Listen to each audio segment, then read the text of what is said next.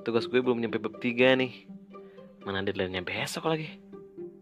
Lah, lu mending lagi ngerjain. Gue belum mengerjain sama sekali loh.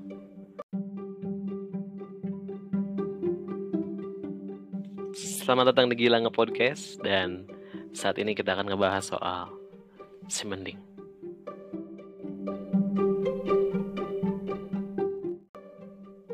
Pernah gak sih lu dihadapkan dengan orang yang selalu membanding-bandingkan satu dengan yang lainnya?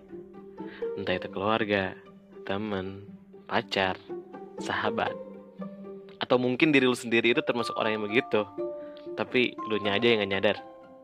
GWS sih kalau kata gue mah. Kayaknya nggak semua orang bisa lu banding-bandingin deh. Apalagi kalau pembandinginnya dengan kehidupan lo yang menurut lo bagus itu gitu loh. Padahal enggak gitu. Menurut gue orang yang sering membanding-bandingkan suatu hal dengan hal yang lain itu udah termasuk penyakit sih. Penyakit hati tepatnya. Gue menyebutnya dengan penyakit si mending. Penyakit si mending ini biasanya kebanyakan emang udah bawaan dari lahir sih atau enggak emang udah sifat turunan dari orang tua aja gitu. Contohnya tuh kayak uh, orang tuanya kayak gini nih, ngobrol sama teman-temannya misalkan. Ih, sis, anakmu kok masuk uh, ke SD Pelita sih? Padahal kan lebih baik di SD, di SD Samsudin. Atau enggak, uh, ih sis, anakku jadinya dimasukin ke SD Pelita soalnya biar deket juga dari rumah gitu kan. Ih, mending dong dia masuk SD Pelita, anakku masuk visip UI.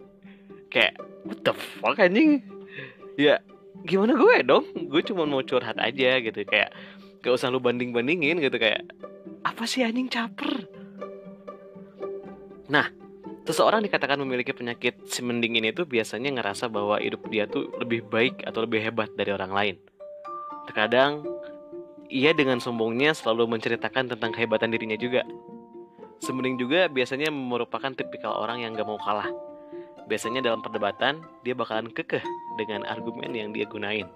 Dan jika dia kalah, dia selalu mengelak dengan kata, "Iya sih, tapi gue emang mending ini."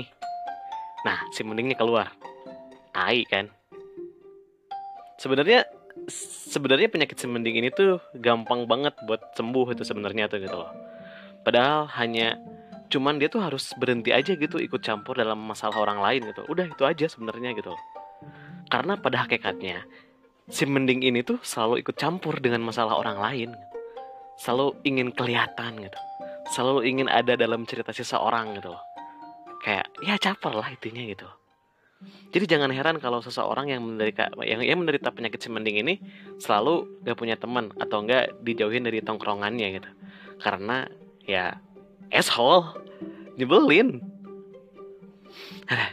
Jadi emosi ya pokoknya buat teman-teman yang temennya punya penyakit semending saran dari aku lebih baik untuk ketika ngobrol dengan dia dan dia ngomong mending kamu tatap matanya lalu colok matanya dengan jari kamu dan untuk para pendengar yang mungkin setelah dengar ini jadi sadar bahwa dirinya memiliki penyakit semending ini lebih baik kalian berpikir bahwa udah dengerin aja kalau hidup kalian udah lebih baik dari orang lain, udah diem aja gitu. Keep silent. Gak usah ingin orang lain tuh tahu apa yang udah lu alami gitu. Enggak, enggak orang lain gak ingin tahu anjing. Kalau ada temen lu curhat, udah dengerin aja. Kasih masukan pun ya udah sewajarnya aja gitu. Seperlunya aja. Sebenarnya kalian itu baik loh. Pendengar yang hebat pula. Cuman ketika kalian membanding-bandingkan itu, kalian tuh berubah jadi tai, tau nggak? Yuk, mulai berubah dari sekarang menjadi orang yang lebih baik. Oke? Okay?